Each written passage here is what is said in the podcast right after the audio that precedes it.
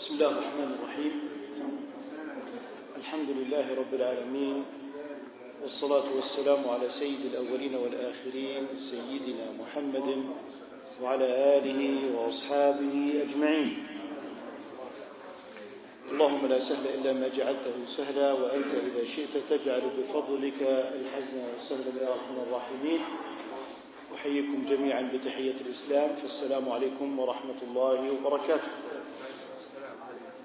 فما زلنا في هذه السلسلة من مراسم التفكير في أمور الشرع والدين وهي يغلب عليها طابع الضوابط كيف نتعامل في ظروف معينة ضمن أسس معروفة ومشهورة تكون لعامة المسلمين. في ختام الدرس الماضي ليس الأسبوع الماضي ولكن الأسبوع الماضي اضطررت للاعتذار بسبب يعني عمل كنت في بعيد من العاصمة. طرح أحد الإخوة سؤالا ألا وهو ما حكم التشبه بالكفار؟ ما حكم التشبه بالكفار؟ كثيرا ما نسمع هذا حرام لأنه تشبه بالكفار. واضح؟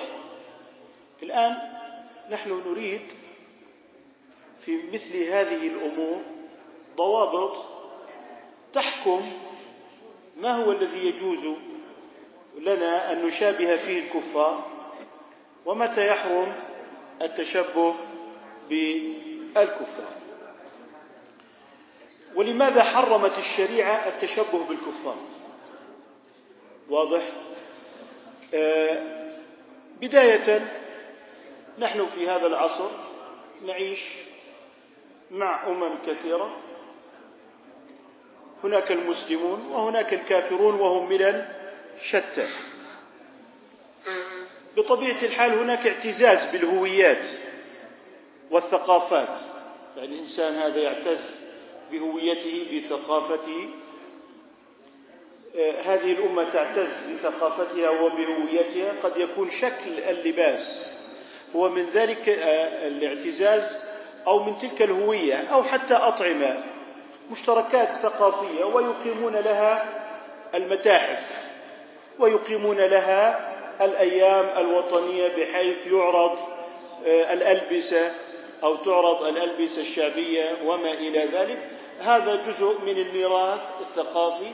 والتاريخي والكل ينادي باحترام الثقافات وباحترام التاريخ وباحترام الهويات وما إلى ذلك. لكن مع الأسف الشديد نرى أن كثيرا من الهويات تحترم مهما كانت وكثير من الأديان تحترم حتى لو كانت عبادة الحيوانات. لكننا لا نجد قلة الاحترام إلا فيما يتعلق بهذا الدين والإسلام. واضح؟ فلذلك نحن عندما نتكلم بالهويات وعندما نتكلم بالثقافات هناك ثقافة تقول يجب أن نحترم هذه الثقافات لكن لا نجد غمزا إلا في يعني النبوات مثلا. نجد غمزا في الثقافة الإسلامية فيما يتعلق بالمرأة المسلمة فيما يتعلق بالرجل المسلم وفيما يتعلق بالهوية الإسلامية.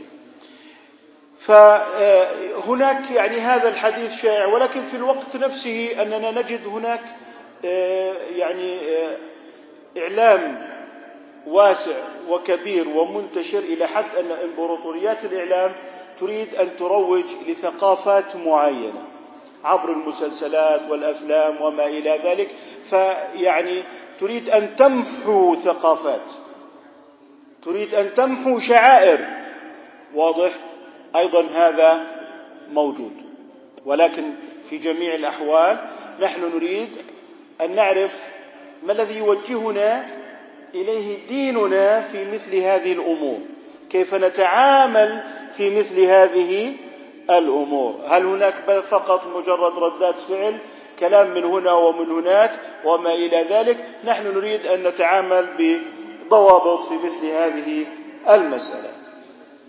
نحن أمام حديث نبوي شريف عن رسول الله صلى الله عليه وسلم يرويه ابن عمر رضي الله عنه أخرجه الإمام أبو داود في أثر عن ابن عمر رضي الله عنهما وهو قوله صلى الله عليه وسلم من تشبه بقوم فهو منهم من تشبه بقوم فهو منهم. طبعا حسنه أئمة الحديث منهم آه، ابن حجر العسقلاني من أئمة الحديث واحتج به الفقهاء منهم الإمام أحمد وغيره من الفقهاء وعملوا بهذا الحديث ولم يلتفتوا إلى يعني ما ورد في بعض رجال الحديث من نقد إنما يعني الحديث مأخوذ به وهو من رتبة المقبول في مجال الأحكام الشرعية.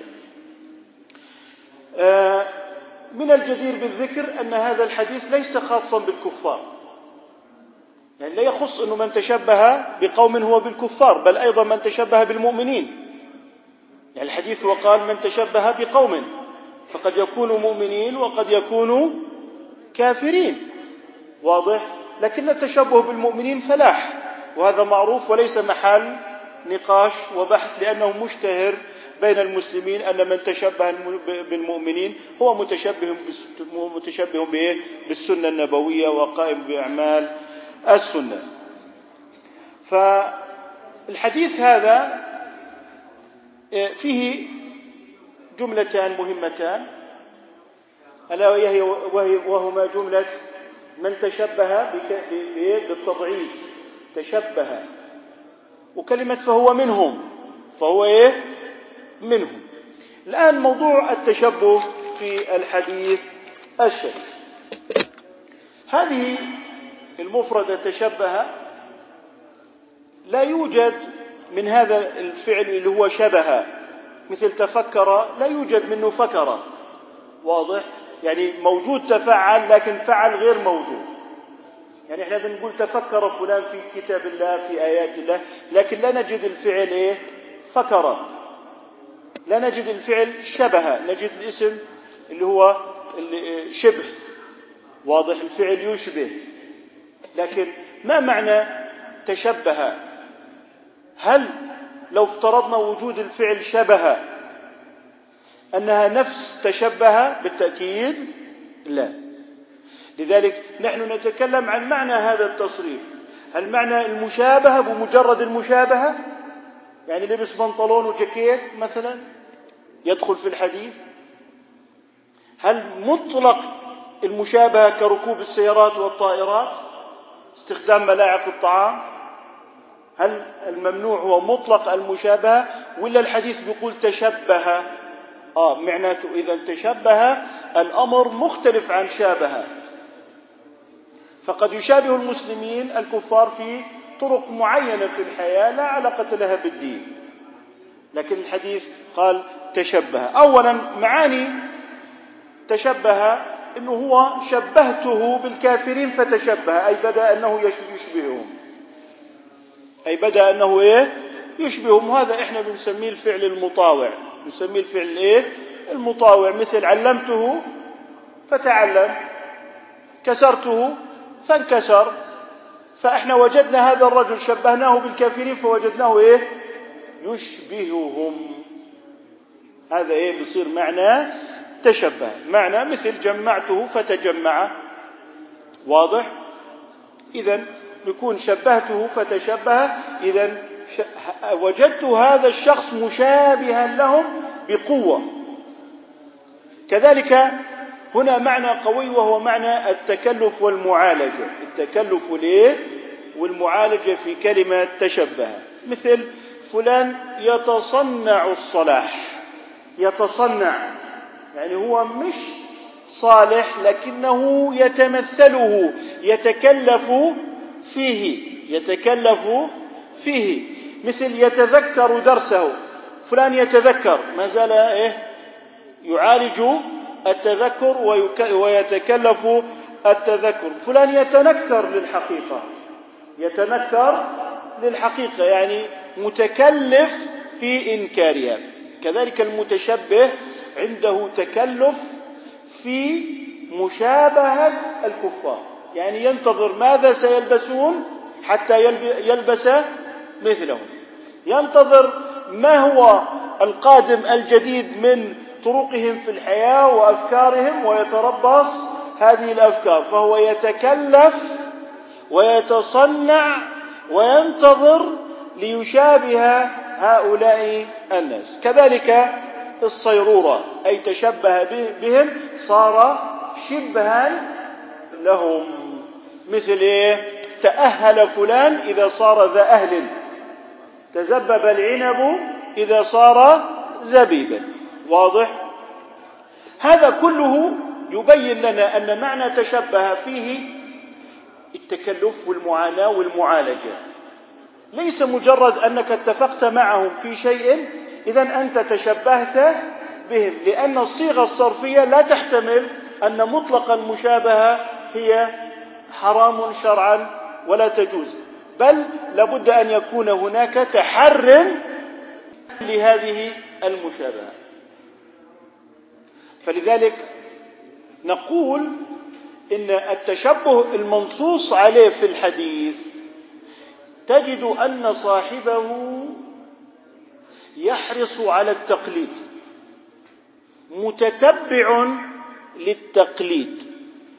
هذا معنى تشبه متكلف له. متتبع له. لكننا نحن عندما نركب السيارات أو عندما نلبس الألبسة البنطلون والقميص نحن لا نتحرى فعل الكفار لأن هذا الشيء صار عام. صار إيه؟ عاما في الناس.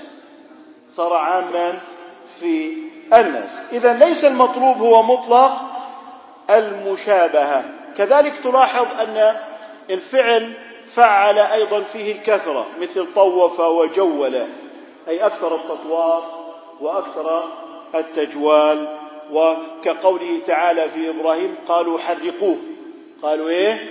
حرقوه. اذا هذه كلها معنى الكثرة معنى المعالجة والمعاناة معنى التحري كلها تحليل صرفي في المعنى لكلمة تشبه. اذا الرسول صلى الله عليه وسلم يقول من تشبه بمعنى أنه تكالف تكلف وعالج مثلا يتحرى أعيادهم مناسباتهم الدينية ألبستهم الدينية الخاصة. على سبيل المثال إذا هو متحر لذلك فهو عندئذ يعد متشبها. يعد إيه؟ متشبها. إذا عندما نتحدث في نص الحديث الشريف لابد أن نلاحظ هذا المعنى الإضافي الذي يضيفه أو الحديث النبوي على كلمة تشبه. طيب الآن في قول النبي صلى الله عليه وسلم في موضوع تشبه فهو منهم أي مثلهم في الأجر والإثم وإما إلى ذلك. لكن ما بيقول فهو منهم إذا هو كافر؟ واضح؟ ما نقول هو منهم إذا هو كافر. لا أي هو يشبه في أعماله أعمالهم. فصار كأنه منهم ولكن مجرد المشابهة لا يجوز لنا أن نصفه بالكفر ولا يجوز لنا أن نعم تفضل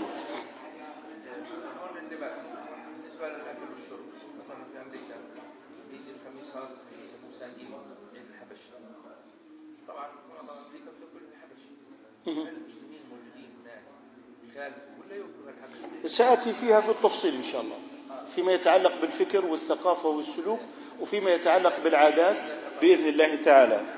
آه هي ستحدث بها لأنه لابد. آه.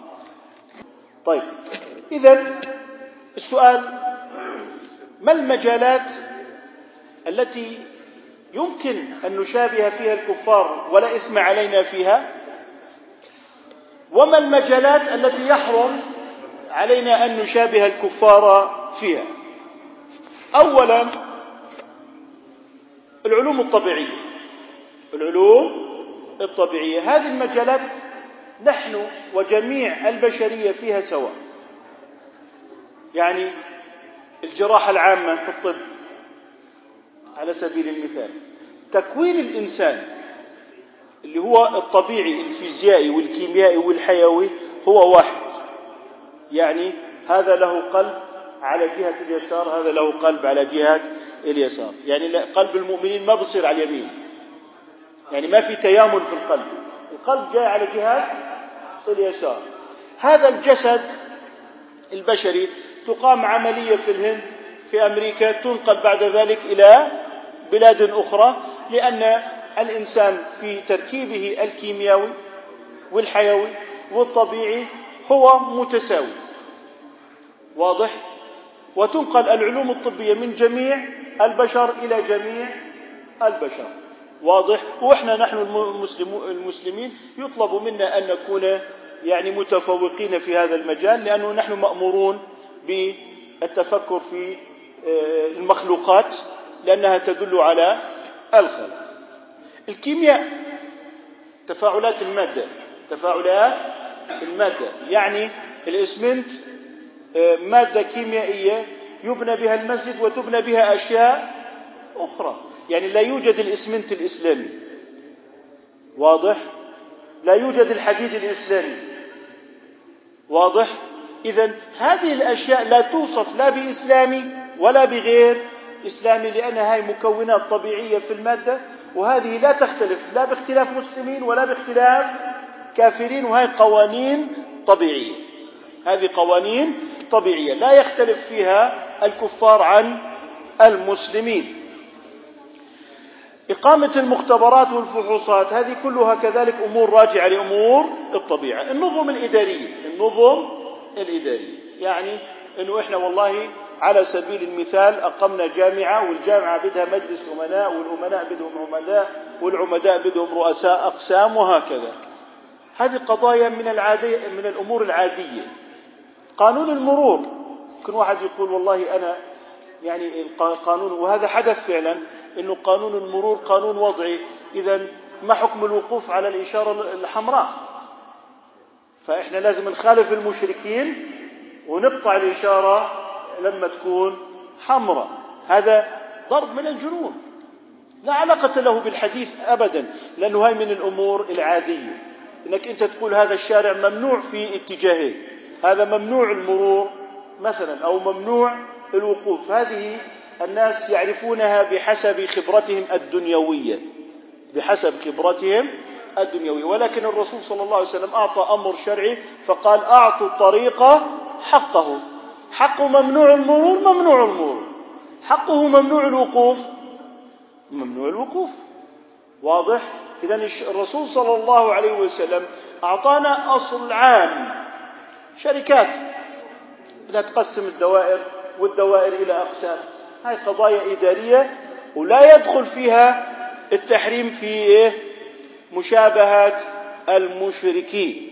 لا يدخل فيها التحريم في مشابهة المشركين. إذا ما يتعلق بالأمور الطبيعية بأمور العادات بأمور العادات الأغذية الأطعمة استخدام ملاعق تستخدم شوكة إلى آخره لكن ما بصير تستخدم الشوكة باليسار وتوكل باليسار لأنه الآن أنت أصبحت مخالف للشرع. أصبحت مخالفا للشرع. إذا العادات من حيث هي عادات هذه لا يدخلها التحريم في التشبه ومثل الألبسة كذلك إلا إذا كان اللباس علامة خاصة بالكافرين كرجل الدين عندهم فيلبس المسلم كلباس رجل الدين عندهم. واضح؟ أما من حيث اللباس حيث جرى العرف به إنه هذا عرف عام. يعني الرسول صلى الله عليه وسلم بعدما نزل عليه الوحي ما غير لباسه وقال هذا اللباس الإسلامي وذاك لباس المشركين؟ ما قال ذلك. هل النبي صلى الله عليه وسلم عندما كان يأتيه الرجل ويسلم هل كان يأمره بتغيير ملابسه؟ ابدا. إذا القضية هذه مطلق المشابهة وليست محل نقاش في الأمور الشرعية وهي إيه؟ جائزة. وهي إيه؟ جائزة على أصل أن اللباس جائز بشرط أن يكون ساترا للعورة؟ أن يكون ليس فيه شهرة علامة يعني لما يمشي في الشارع يقول فلان انظر إذا اللباس انتبه انظر إلى آخره. واضح؟ ألا يكون فيه مشابهة للمرأة؟ واضح؟ ما في المرأة تشبه لباس الرجل. إذا الضوابط الشرعية فيما يتعلق بالكفار والمشركين إذا كان خاصا بهم إذا كان خاصا بهم. يعني واحد لبس بدلة وقرافة. أصبح هذا لباس لا يتميز به المشركون. هذا لا يتميز به المشركون. هذا يعني أنت لما تقول لما واحد دخل لابس بدلة وقرافة على مجلس ما بقول لك أوف هذا لبس الكفار. لا. يظن الناس أنه هذا لبس من باب العادات. ولا واحد يقول يعني آه، الألبسة الداخلية ولا الألبسة الجوارب ولا هذا من لباس المشركين هذا لا يصح ولا يجوز بكرة الجاكيت وما إلى ذلك. لا يجوز لنا أن نتجرأ في أن مجرد المشابهة إذا حرام. يصبح عندئذ غلوا في الدين. يصبح غلوا في الدين. لبس طاقية لبس جاكيت لبس بالطو صح. هذا لم يكن من لباس العرب ولا على لباس السنة على عهد النبي صلى الله عليه وسلم. الشرع أطلق في اللباس. الشرع إيه؟ أطلق في اللباس. انظر إلى الشعوب الإسلامية بعلمائها وعامتها. كل شعب كل قرية تجدها تختلف في لباسها عن القرية المجاورة. الشرع لا يتدخل في هذا من حيث تفاصيل نوع القماش اللون. الشرع بيقول لك يهم مواصفات معينة. ما بيشترط لون ما بيشترط نوعية قماش معينة وما إلى ذلك. لا. واضح إنما هي معايير عامة إنه المرأة ما تلبس ما تلبس ثياب الرجل أو تشبه الرجل في لباسه. واضح. فإذا هذا المجال في موضوع الألبسة آه، لابد أن يكون واضحا أن المحرم فيما يخص ألبسة المشركين. يعني هذا لباس معروف إذا إذا رؤي هذا لباس بوذي. هذا لباس مثلا آه، هندوسي واضح؟ إذا علينا أن نميز بين ما هو خاص من ألبسة الكفار خاص بهم أو ما هو ليس خاصا بهم بل أصبح شيئا عاما. طيب إذا هذه في الجملة جملة من الأشياء التي يعني لا يحرم على المسلمين أن يشابهوا فيها الكافرين. طيب ما الأشياء التي آه، يمكن أن أو يدخلها تحريم المشابهة؟ باختصار ما يتعلق بالثقافة والفكر والسلوك يحرم. يحرم التشبه بالكفار فيما يتعلق بإيه؟ في ثقافتهم في فكرهم في سلوكهم. في اعيادهم الدينية. يعني إنسان في عيده الديني يقيم تمثال آه، صنم يعبده وبعدين مسلم يجي يقول له مبارك إن شاء الله. لا أنت كمسلم ناقضت عقيدتك. الإسلام يكره النفاق. بدك تجامل تقول كلمة حسنة تستطيع. تقول له أرجو لك يا ولي الخير أرجو لك التوفيق أرجو لي ولك الهداية. تستطيع أن تجامل بكلمات لكن لا يوجد فيها نفاق. ما بصير أنت لما تمشي تقول إيه هذه هذا معبد يعبد فيه الأصنام وكذا بعد قليل وإذا بك تبارك معبد الأصنام. إذا فيما يتعلق بثقافته وفكره وفلسفته هذا لا يجوز لك. لا تبارك فيه ولا تقول له مبارك بل عليك أن تكون أمينا وصادقا في مثل هذا الموقف وأن لا تتحول المسلم بحجة المجاملة إلى منافق. تريد أن تقول كلاما حسنا؟ قل كلاما حسنا. من كل أنواع الكلام الحسن. له جار عنده مناسبة دينية. مثلا قل يا أخي مرحبا بك أرجو لك الخير وأتمنى لك التوفيق لك ولأبنائك وأعطيه من كل الكلام الحسن اللي الله قال فيه وقولوا للناس حسنا. بس ما بصير تقول له مبارك. فما أنت تعتقد أنه هذا باطل؟ أنت كمسلم تعتقد أن هذا باطل وشرك وضلال. بعد ذلك تقول له مبارك. ما معنى مبارك؟ أي جعل الله الخير فيه. ماذا؟ هذا لا يصح. واضح. لكن هذا لا يعني أن نقول كلاما قبيحا. لك جار غير مسلم عنده مناسبة دينية تقول له الكلام الحسن بشرط أن لا يتضمن أي موافقة على منكره حتى لو كان مسلم عنده منكر كذلك تقول له بما لا توافقه على هذا المنكر. لكن لو كان كافرا وزرته إذا مرض وكان جارا لك أو له ولد نجح وزرته في نجاحه. العلاقات الحسنة مطلوبة. والقول الحسن مطلوب. الغلو مذموم والتحلل مذموم. واضح؟ اذا هذا الملخص فيما يتعلق بالفكر والثقافة والسلوك. حسن المعاملة مطلوب في جميع الأحوال. القول الحسن مطلوب في جميع الأحوال. لكن لا تقل قولا تعد فيه نفسك منافقا وتقول ما ليس في قلبك والشخصية المسلمة بعيدة كل البعد عن النفاق. سنأتي إلى الأمثلة.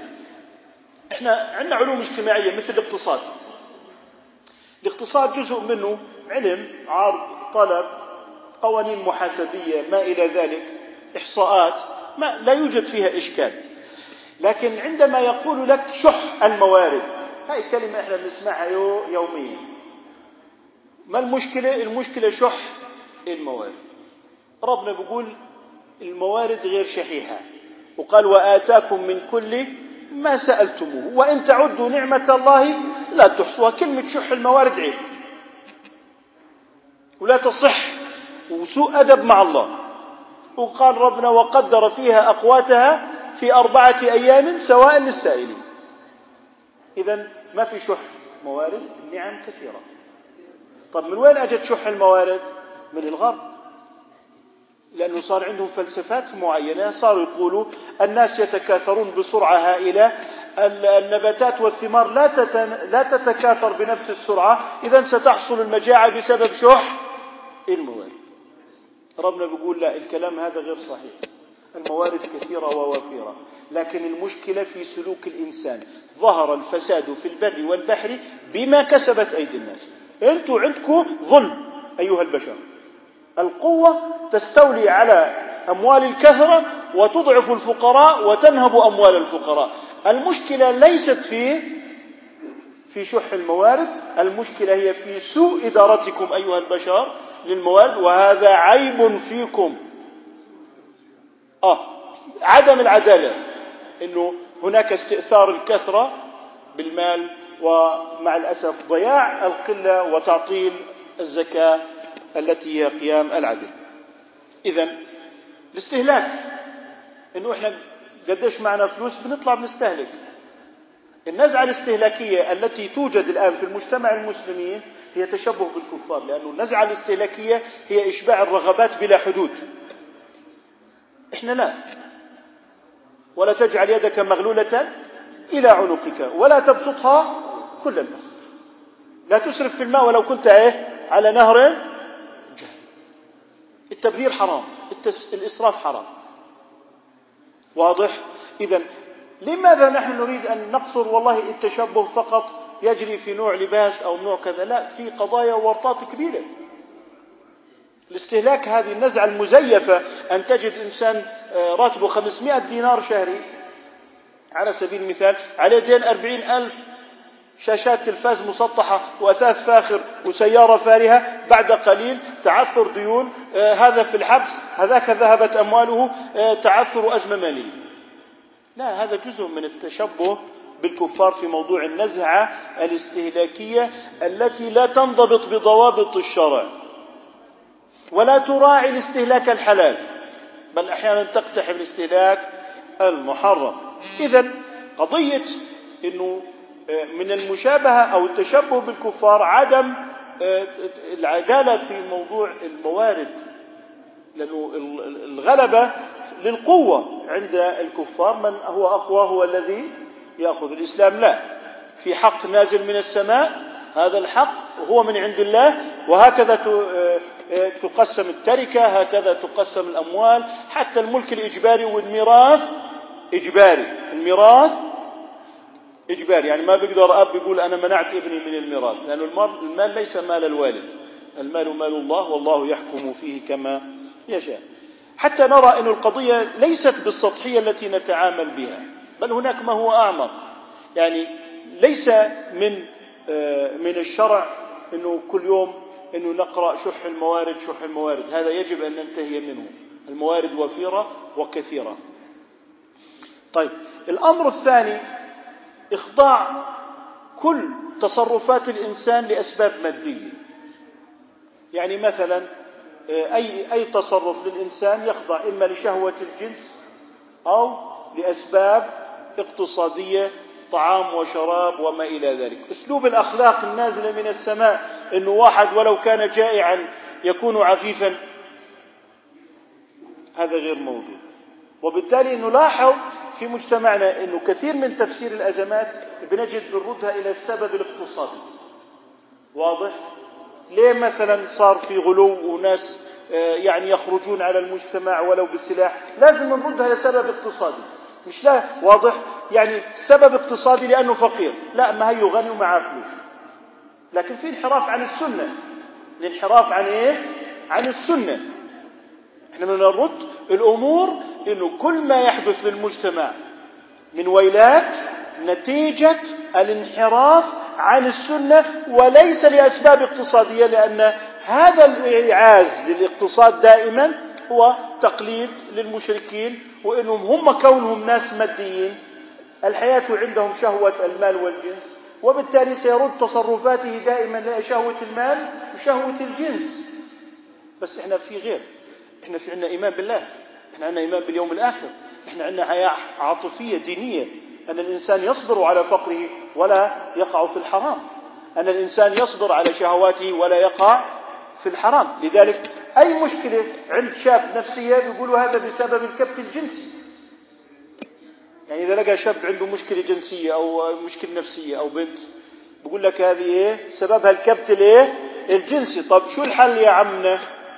كل ما إنه إيه؟ عنت له الشهوة والمحرمة فليسارع فليسارع إلى تصريف هذه الشهوة. هذا هو الحل عنده. اذا تفسير الحياة على أساس إنه الشهوة الجنسية هي المحرك وشهوة المال. نحن في ديننا لا نقبل ذلك وبالتالي الإيعاز دائما لمشكلاتنا إنها سببها اقتصادي سببها اقتصادي. لا المرتشي ليس فقيرا. المرتشي ليس فقيرا. والفاسد الذي يأكل الملايين ظلما ليس فقيرا. واضح؟ الاستبداد في الثروة ليسوا لأنهم فقراء لأن لأن هناك انحراف عن جادة الشرع وعن جادة السنة اذا لا نريد كل أزماتنا نلقيها على؟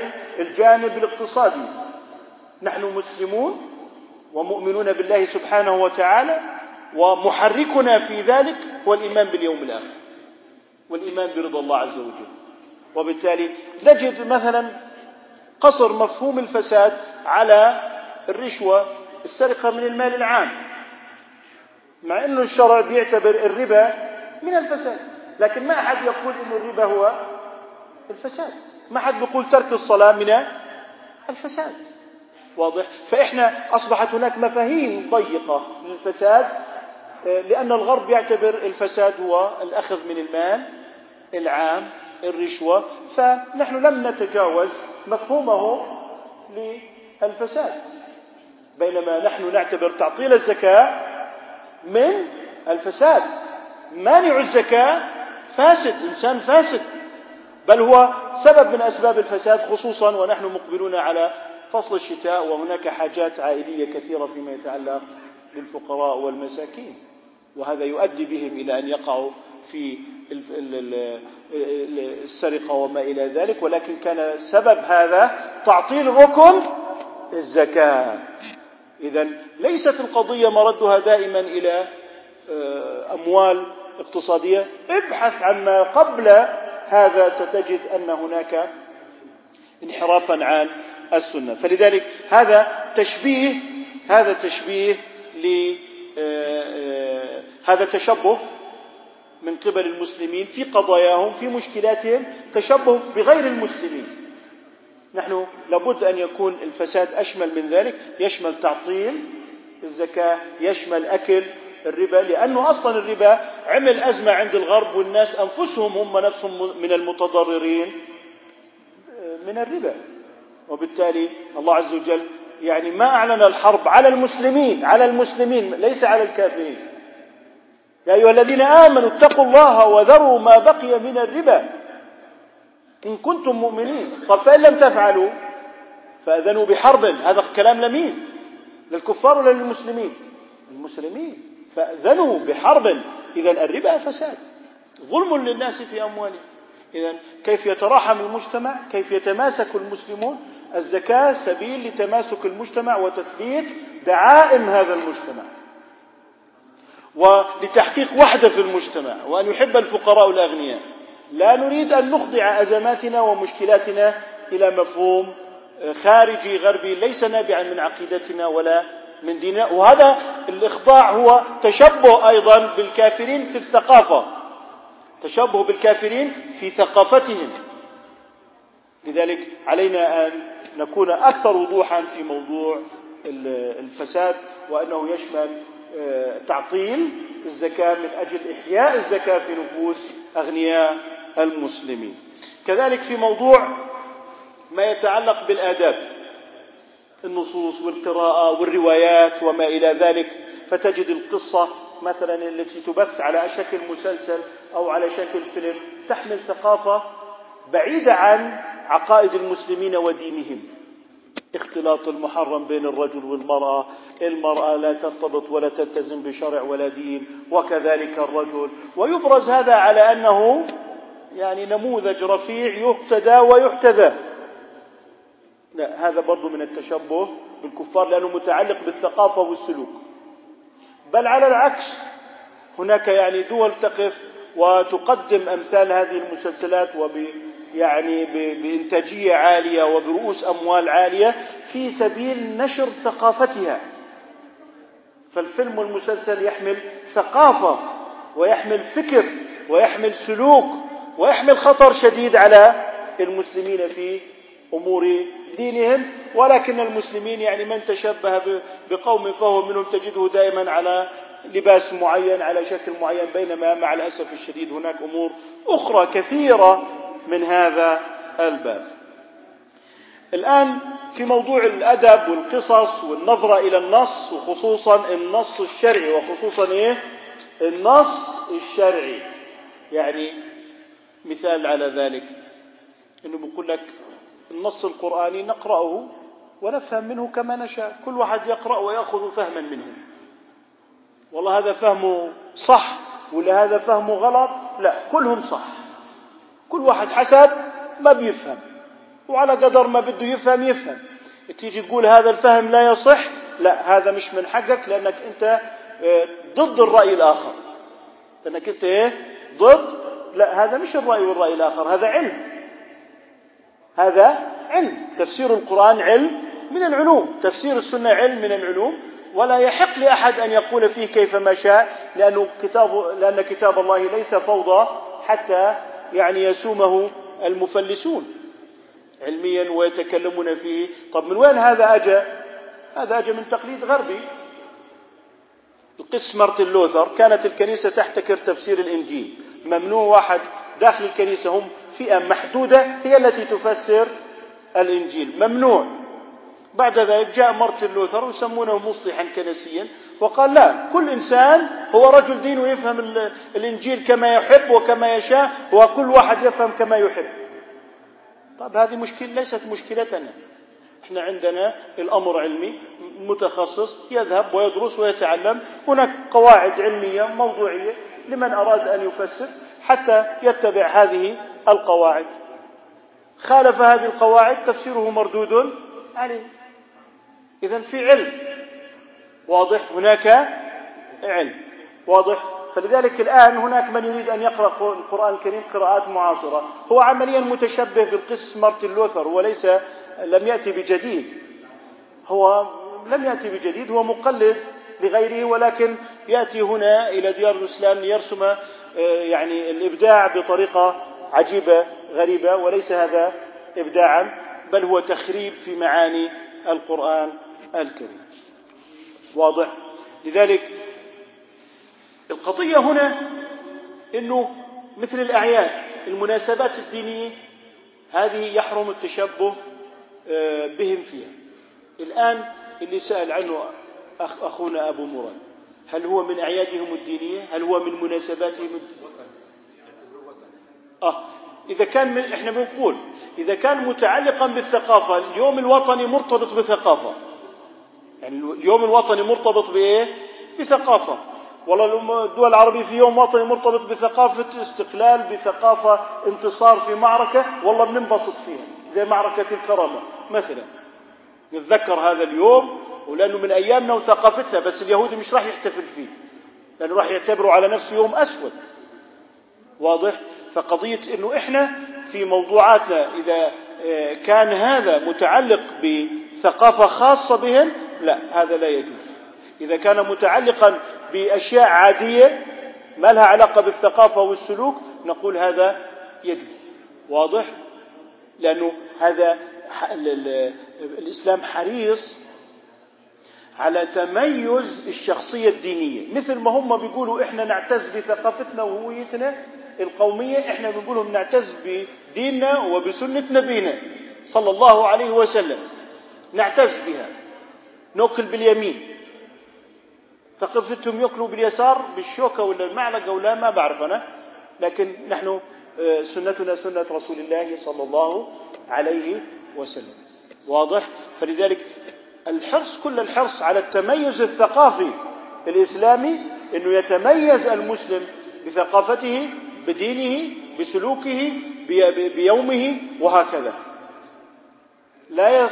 لأنه هناك محاولات للتذويب بحجة المجاملة. لا المجاملة نحن نحسنها ونحن نقول التي هي أحسن في موضعها وبالكيفية التي أذن بها الشرع. وأنا ضربت مثال على ذلك في مناسبة دينية لكافر. كيف يمكن أن آه، نحسن القول ونتبع شرعنا بإحسان القول وفي نفس الوقت أن لا نكون منافقين؟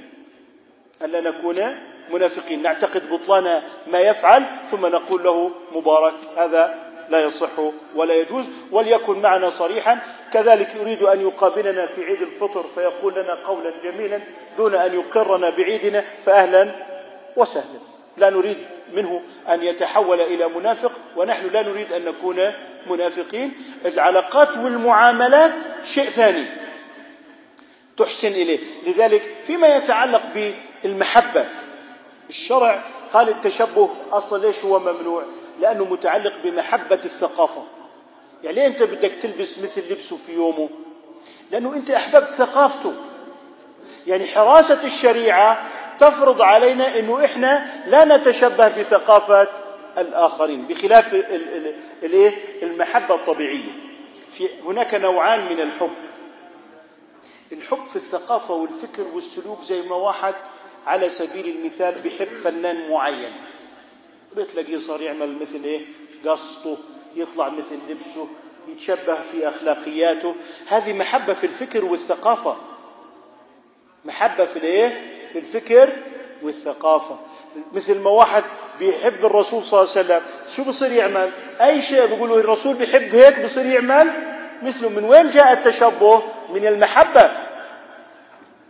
التشبه من أين يأتي؟ من المحبة. لذلك لما نهى عن التشبه إنما يخشى أن يكون قد وقع في حب القوم فيبدأ بالتشبه بهم شيئا فشيئا بعد ذلك وإذا به ينسلخ من ثقافته ودينه وعقيدته. واضح؟ لكن القضية في المحبة التي تحيي في نفس المحب التقليد والتشبه بالمحبوب. وهذه المحبة اللي أنا أكدت عليها اللي هي في الثقافة والسلوك وليست المحبة الطبيعية. يعني إيه المحبة الطبيعية؟ رجل مسلم تزوج امرأة كتابية. رجل مسلم تزوج امرأة كتابية. يحبها أم لا؟ يحبها. نقول له لازم تكرهها لأنها كافرة؟ طيب أنجبت أولادا؟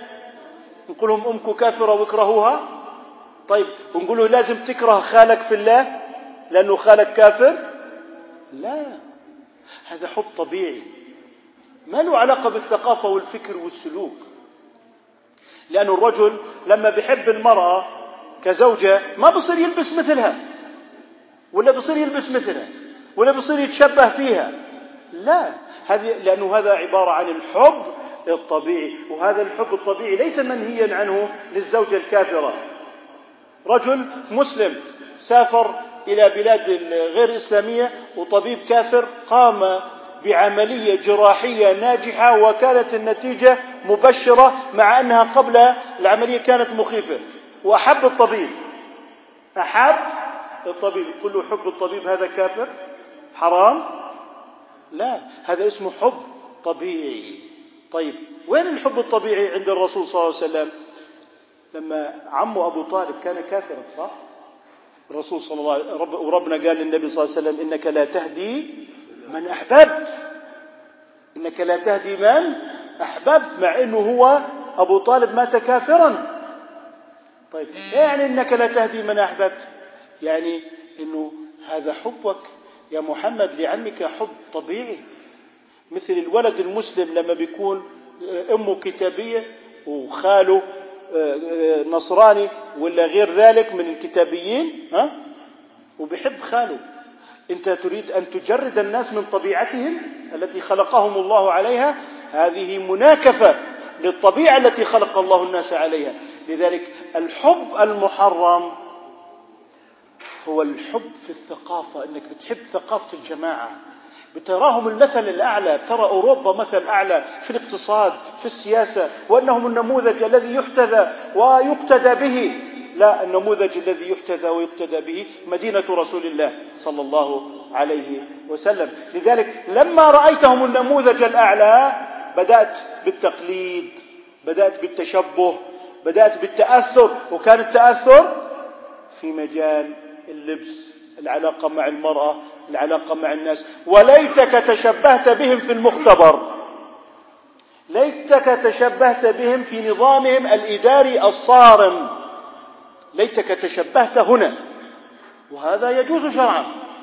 فبعضهم ترك ما يجب شرعا أخذه والاستفادة منه في نظم إدارية فيما يتعلق بالمختبر فيما يتعلق بالجد والإخلاص في العمل وهذا في ديننا قبل أن يكون عندهم ونحن نخلص في أعمالنا ليس تقليدا لهم.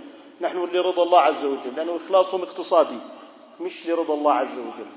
إذا عندنا معاني شاملة عندنا معاني أرفع بكثير من هؤلاء الناس لكن مع الأسف حدث التقليد فيما يحرم التقليد. من حيث الانفتاح في علاقات الرجال مع النساء. مثلا. إنه لا هذه علاقات زمالة.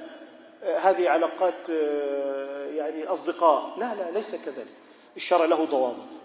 اذا الشرع قال لك إذا أنت كنت جادا فكن جادا في المختبر كن جادا في الهندسة كن جادا ومجتهدا في الطب والهندسة. لما يصير عندك نظام إداري طبق النظام الإداري. لا ظلكش تقول في الواسطة والمحسوبية وأنت أكبر واسطة ومحسوبية عندك. واضح؟ لا عليك أن تولي الكفو. هم يولون الأكفاء. ها؟ لكن لا تولي القريب بسبب دنيا بينك وبينه وبعد ذلك يصبح الوبال والشر على المجتمع بصفة عامة. دقيقتان. طيب. إذا آه، فيما يتعلق بالعادات وما يتعلق بالأمور الطبيعية لا يقع فيها التشبه. التشبه بمعنى اللي هو التحري المعالجة التكلف التصنع. هذا هو المنهي عنه شرعا فيما يتعلق بثقافتهم وفكرهم وفي سلوكهم. واضح؟ قضية فهو منهم أي فهو مثلهم في عمله. واضح؟ لكن لا يعني فهو منهم اذا أصبح كافرا. قضية التكفير وضوابط التكفير هذه لها أهلها ولها آه، المختصون بها وعلينا أن نلتزم بحكم الشرع وضوابط الشرع وهذا ليس متروكا للأفراد. ليس متروكا لأي أحد. هناك جهات يجب هي أن تبين الشرع للناس وأسأل الله سبحانه وتعالى أن يوفقنا وإياكم لخير ما يحب ويرضى.